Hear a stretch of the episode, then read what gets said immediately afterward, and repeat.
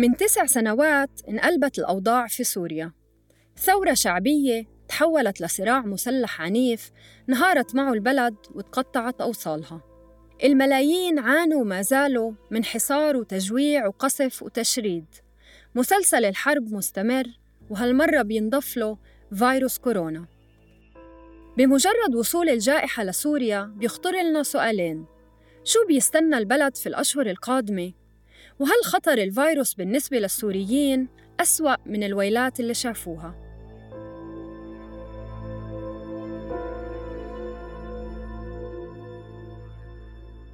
عم تسمعوا بودكاست المستجد وأنا عبير قبطي اليوم بنزور سوريا وبنتنقل بين أجزائها المقسمة حسب النفوذ العسكري سوريا اليوم يعني بعكس أي دولة تانية آه، الدول عادة بيكون فيها نظام حكم واحد آه، بيسري نظام الحكم وقانون آه، هذا النظام على كل الدولة بكل قطاعاتها بكل محافظاتها. سوريا اليوم هي عبارة على ثلاث مناطق نفوذ.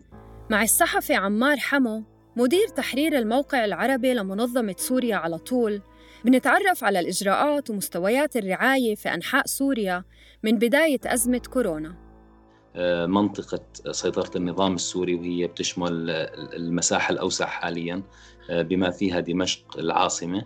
آه، وفي شمال غرب سوريا اللي هو بتكتظ في مخيمات النازحين السوريين وهي منطقة تابعة للمعارضة السورية. والمنطقة الثالثة هي منطقة شمال شرق سوريا واللي بتسيطر عليها الإدارة الذاتية ذات الغالبية الكردية.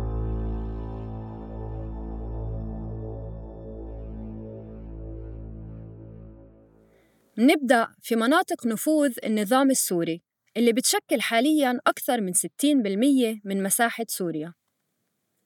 مسألة الأرقام والمعطيات اللي بيكشفها النظام أو بيخفيها هي مسألة مشكوك فيها. معهد جون هوبكنز الأمريكي واللي بيعتبر المصدر الأول لإحصائيات كورونا أعلن قبل أيام عن قائمة سماها التفاح التالف في إشارة إلى ثمان دول إما ما بتشارك معلومات حول كورونا أو معلوماتها الرسمية مشكوك فيها إلى حد كبير. سوريا كانت في المرتبة الخامسة من القائمة. المشكلة حسب عمار هي مش بس في التصريح عن الأرقام أو عدمه، وإنما أيضاً في كيفية تعامل النظام مع الأزمة والخوف من استغلاله لإلها. كان في بالبداية تكتم شديد في عدم الإفصاح عن أي معلومات رسمية، بعدين الأرقام بلشت تطلع تباعا، تأخر النظام لحتى أعلن عن الحالات. وحتى لما أعلن عن الحالات تعامل مع الموضوع بطريقة أمنية. وهون كثير الموضوع خطير. لما نحن نتعامل مع آه، أزمة آه، وباء عالمي بطريقة أمنية، فلما بيجي الطبيب المشتبه بإصابته بفيروس كورونا عمليا ما بيكون في تشخيص طبي، بيكون في تحقيق أمني. مع المريض. آه، بيتم الإعلان إنه ممكن تكون الحالة التهاب آه، رئوي حاد ويعطى آه، مضادات لهذا الشيء. فعمليا يعني لا تم الاعتراف بإنه بتشخيص الحالة إنه هي فيروس كورونا أو لا. لا تم إجراء الفحص المخبري اللازم للكشف عن الحالة. وتم ترهيب الطبيب وترهيب المريض. فالمريض لو صار معه أعراض ثانية ممكن ما يفكر يروح. مش واضح إذا كان هذا التوجه مستمر حتى الآن أو إنه اقتصر على البدايات. عموماً لحد تسجيل الحلقة تجاوز عدد الإصابات المعلن عنها رسمياً من قبل النظام ال 170 حالة من ضمنها ست وفيات. معظم الحالات كانت في دمشق ومحيطها عند أشخاص عادوا من الخارج بالفترة الأخيرة. محافظة ريف دمشق أغلب الاتهامات أو أغلب الكلام اللي بينحكى أنه هاي الحالات موجودة في السيدة زينب هي منطقة تجمع آه، ميليشيات ممولة من إيران موجودة بالمنطقة. القوات الإيرانية والروسية متواجدة في أماكن محددة داخل نفوذ النظام السوري. عمار ومن خلال تغطيته اليومية للأزمة بيقول إنه التواجد العسكري بشكل تهديد حقيقي. سوريا رسميا أعلنت عن إغلاق الحدود ولكن بطريقة غير رسمية كان في حركة مرور آه، لمقاتلين من العراق لمناطق النظام. مثلا اللاذقية سجلت حالة إصابة واحدة بفيروس كورونا ومؤخرا يعني خلال أربع أيام أو خمس أيام الماضية تم الإعلان عنها. مع إنه هي المنطقة تندرج من المناطق الأكثر عرضة للاصابه بفيروس كورونا بسبب التواجد الروسي في المنطقة. الثكنات العسكرية أو القطع العسكرية في سوريا هي مناطق موبوءة بشكل عام لأنه ما في رعاية طبية كاملة. أغلب العناصر بيكونوا بمهاجع أو يعني بأماكن نوم أو اماكن اجتماع مكتظة. خلال هي الفترة ومن خلال تواصلي مع أحد الأشخاص أو عدد من الأشخاص بهذا الموضوع ما في أي وقاية لهدول العناصر. ما في أي وقاية وبالمقابل هي العناصر عم تختلط مع عناصر إيرانيين عم تختلط مع عناصر آه، قادمين من العراق أو من لبنان أو حتى مع الشرطة العسكرية الروسية.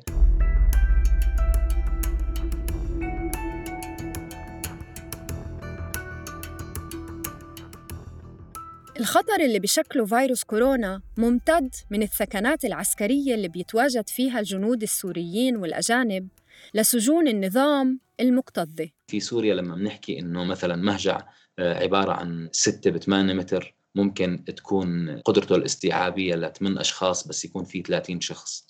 ونحن لما عم نحكي عن سجناء نحن عم نحكي تقديريا الأعداد بحسب منظمة منظمات دولية أو بحسب الشبكة السورية لحقوق الإنسان. نحن عم نحكي بحدود ال 130 ألف معتقل. المنظمات الإنسانية دعت للإفراج عن السجناء للتخفيف من الضغط واحتمالية تفشي العدوى في الداخل.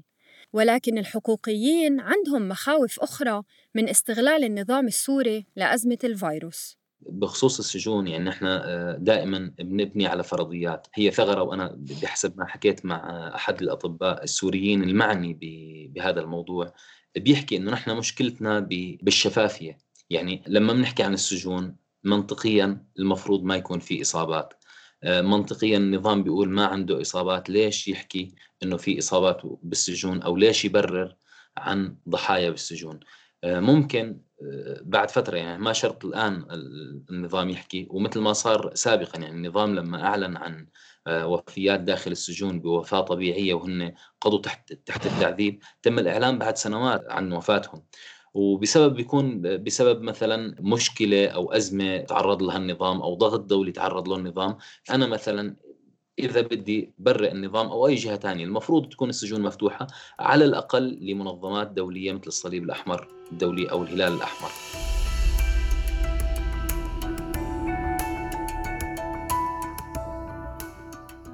بكل الأحوال ما تم الإعلان عن أي إصابات في داخل سجون النظام حتى الآن وهذا طبعا لا يعني عدم وجود إصابات أو إنه التهديد غير موجود.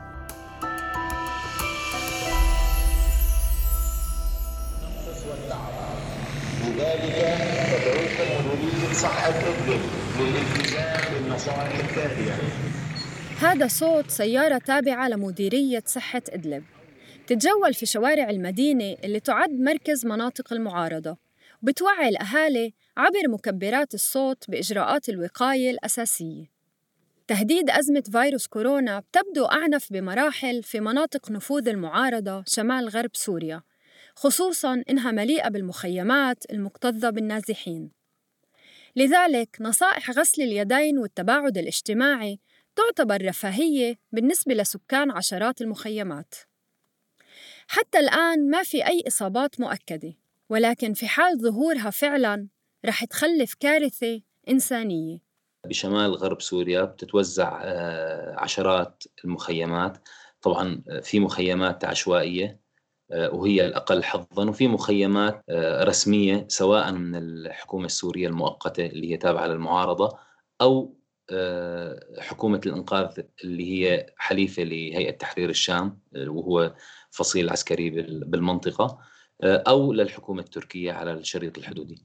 في لا مبالاة من المدنيين الموجودين هناك وتقريبا بيتقدر عددهم بأربع مليون مدني بين نازحين داخليا وبين أهالي المنطقة الأصليين، هذول عندهم لا مبالاة لأنه هن بيعتبروا فيروس كورونا أقل خطرا عليهم بعكس ما كل العالم الآن متأهب وصار في حظر وتدابير وقائية بهي المنطقة كونهن أصلا تعرضوا لقصف تعرضوا لتجويع آه، ببعض الأحيان بيعانوا أصلا من سوء الخدمات الطبية والصحية وسوء الأوضاع الإنسانية بالمنطقة. فبالتالي فيروس كورونا ما رح يعيشهم بوضع إنساني أسوأ من اللي هن موجودين عليه.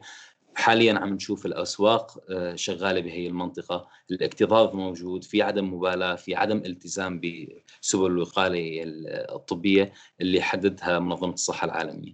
منظمة الصحة العالمية تأخرت في تزويد مناطق المعارضة بمعدات الفحص. بعض الأطباء تحدثوا في شهر آذار مارس الماضي عن ظهور أعراض شبيهة بكوفيد 19 وعن حالات وفاة، ولكن كان صعب يتأكدوا من حقيقتها نتيجة غياب الفحص كان في اتهام لمنظمة الصحة العالمية بالتأخر آه، للاستجابة بهي المنطقة آه، وكان في تصريح اعتبروه كثير من السوريين إنه هو آه، مسيء للمدنيين بهي المنطقة لما الناطق باسم منظمة الصحة العالمية الموجود كان في جنوب تركيا بيقول إنه نحن بنتعامل مع حكومات وشمال غرب سوريا غير حكومة. في المخيمات المكتظة واللي بتفتقر لأدنى معايير السلامة كيف بتكون رحلة المواطن السوري اللي بحس بأعراض الفيروس؟ المشكلة هي بعدم الوعي إنه هل هو لازم يراجع أو لا؟ هل هو لازم يعزل حاله؟ هل هو قادر يعزل حاله؟ يعني أنا مثلا حكيت مع أحد النازحين في المخيمات هو بيقول إنه أنا كيف بدي أعزل حالي وأنا قاعد بخيمة مع زوجتي وأربع أطفال بخيمة واحدة غير مقسمة. الشيء الآخر أنه الخيام بجانب بعضها. فلو صار في إصابة آه، لأحد الأشخاص في المخيمات. سرعة الانتشار رح تكون كتير كبيرة لأنه الوحدات السكنية جنب بعضها الاختلاط كتير كبير. بس خلينا نقول لو سائد حالته أكثر وبده يروح في آه، عدة مشافي ونقاط طبية موجودة بالمخيمات مع تفاوت آه، قدرة هي النقاط الطبية. مثلا المخيمات العشوائية ما فيها نقاط طبية آه، لازم يطلع لأك... لأقرب مركز صحي أو أقرب مشفى في المدينة اللي موجود فيها المخيم.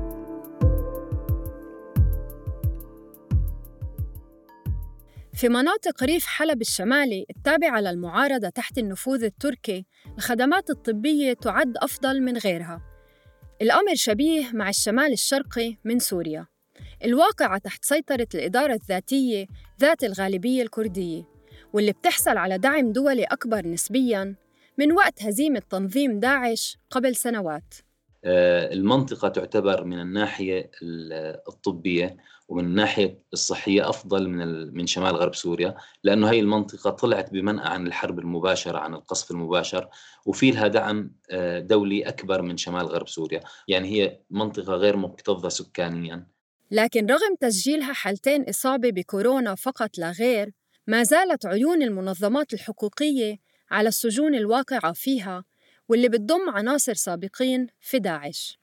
هو المشكلة في شمال شرق سوريا بتتلخص بالسجون عدم اتخاذ تدابير وقائية للسجناء. إحنا أكيد آه، يعني آه، في مواجهة الإرهاب ضد تنظيم داعش وإيديولوجيته ولكن آه، في حتى للسجين في حق في له حق طبي لازم ياخده وأيضا في حق المنطقة لأنه هذا الانتشار لو صار بين سجناء ولقضايا مختلفة بالآخر بيأثر عليهم وبيأثر على المحيط. يعني مثلا السجانين بالمنطقة الطهاه اللي موجودين بالمنطقة أي حدا موجود بمنطقة السجن أو بيتعامل مع السجن ممكن ينقل العدوى لخارج المنطقة.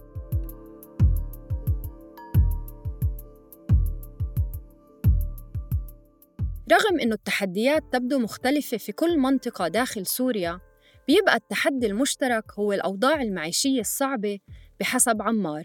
المشكلة نحن بنرجع بنحكي أنه الناس في سوريا بمناطق السيطرة الثلاثة آه، مع اختلاف الأوضاع المعيشية لهم ولكن بيشتركوا بوضع واحد وضع اقتصادي سيء جدا وبالتالي قدرة على الوقاية الشخصية صعبة جدا من حيث مثلا الالتزام بالكمامات الالتزام بوسائل التعقيم آه، هذا غير موجود موجود ولكن آه، في بعض المناطق الغنية. التقارير بتقول إنه أسعار المعقمات والكمامات ومتطلبات الوقاية ارتفعت بنسبة 5000% بسبب زيادة الطلب والاحتكار والتلاعب بالأسعار. هذا كله بتزامن مع انهيار الليرة السورية بشكل أسوأ من أي وقت مضى ومع تضخم الأسعار وفي ظل معطيات عن أنه أكثر من 80% من السوريين بيعيشوا تحت خط الفقر.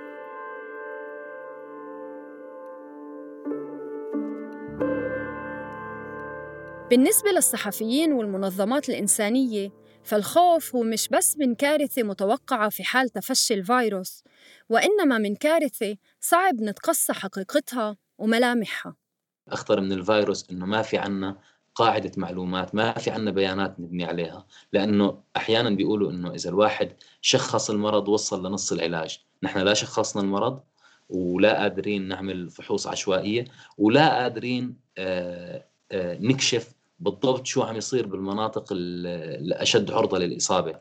ونحن ما في عندنا قدرة على الوصول. وطبعا هون أنا عم بحكي على نحن كصحفيين وبحكي بشكل أكبر اللي هي المنظمات الدولية مثل ما حكيت منظمات دولية تابعة لدول المفروض ما تنحسب لا على النظام ولا على المعارضة ولا على الأكراد ولا على غيرهم. ما قادرة توصل ويكون عندها آه، تحرك آه، ذاتي بدون أي ضغط من النظام.